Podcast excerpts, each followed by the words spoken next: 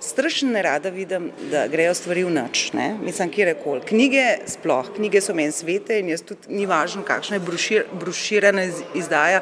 Jaz jo nikoli ne zvijam in grdo ravnam z njo, ampak ta knjiga ostane cela do konca. In te knjige se po meni potem počasi nabirajo, ne? posebej zato, In potem, ne vem, izmenjave v svetu gledaš, imajo garažne razprodaje, imajo takšne in drugačne sejme, naredijo na svojem vrtu, ne, pri nas pa tega ni. Ne, in potem sem razmišljala, kako bi jaz naredila garažno razprodajo, pa sem potem na to mal pozabila, ne, razprodajo se pravi, ne da imaš profit od tega, ne, ampak pač da da v bistvu sam pošlješ eh, stvari, ki jih ne rabiš naprej v svet, v novo življenje. Ne? No, potem sem pa še enkrat idejo to dobila v bistvu, pa, ko so se mi začele kupičati knjige. Ne? In to knjige mehke vezave, ki v bistvu jih ne obdržiš za celo življenje, ampak jih prebereš enkrat in potem jih pač samaš. Ne.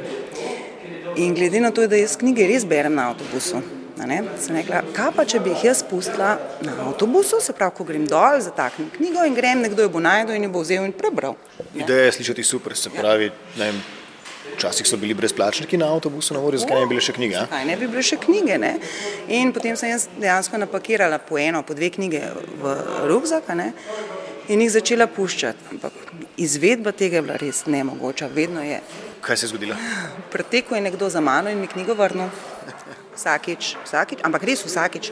In potem časi, že ko sem mislila, da mi je uspel, nekaj sem jaz to pač nekako tako odložila, da, da me niso videli pobegati iz stola tudi avtobus so ustavili za mano in pretekli s knjigo za mano. Ne. In to se je, mislim, izvedba tega se je izkazala za popolnoma nemogoče. Se pravim, zdaj, ali smo res tako pošteni, ne, da vračamo vse um, nazaj k lasniku, se pravi, da je še kar nekaj poštenih ljudi, ali pa moja literarna izbira ni bila ne vem koliko fina, ne. Se pravi, da se ljudem ni bral dnevnik Bridget Jones ali pa karkoli sem že pač postila, ne. Tako da sem se jih pa potem znebila počasi preko bloga. Ne. Sem pač napisala na blog, kdo hoče, pošljem, plačam poštnino, samo vzamete. Ne. In potem sem počasi res oddala vse knjige. Ene par pa tudi po, po busih, no. ampak dolg čas je trajal. Dobro, zgodba o poštenju, na primer, bi to lahko bilo. Kaj pa, če bi na mesto kazala v knjigo zataknila takole 5 evrov, no, na strani 36, bi tudi prišle knjige za tabo? Ne, verjetno bi, ne vem, vprašanje. Veš, mislim, meni se nikoli, mislim, situacija, veš, tako na avtobusu, ko ti odhajaš, nekdo teče za tabo s knjigo, so tako nerodne, da nimaš časa pojasnjevati, da si ti to knjigo pravzaprav namenoma pustil, ne, ker verjetno bi spadla samo čudaška.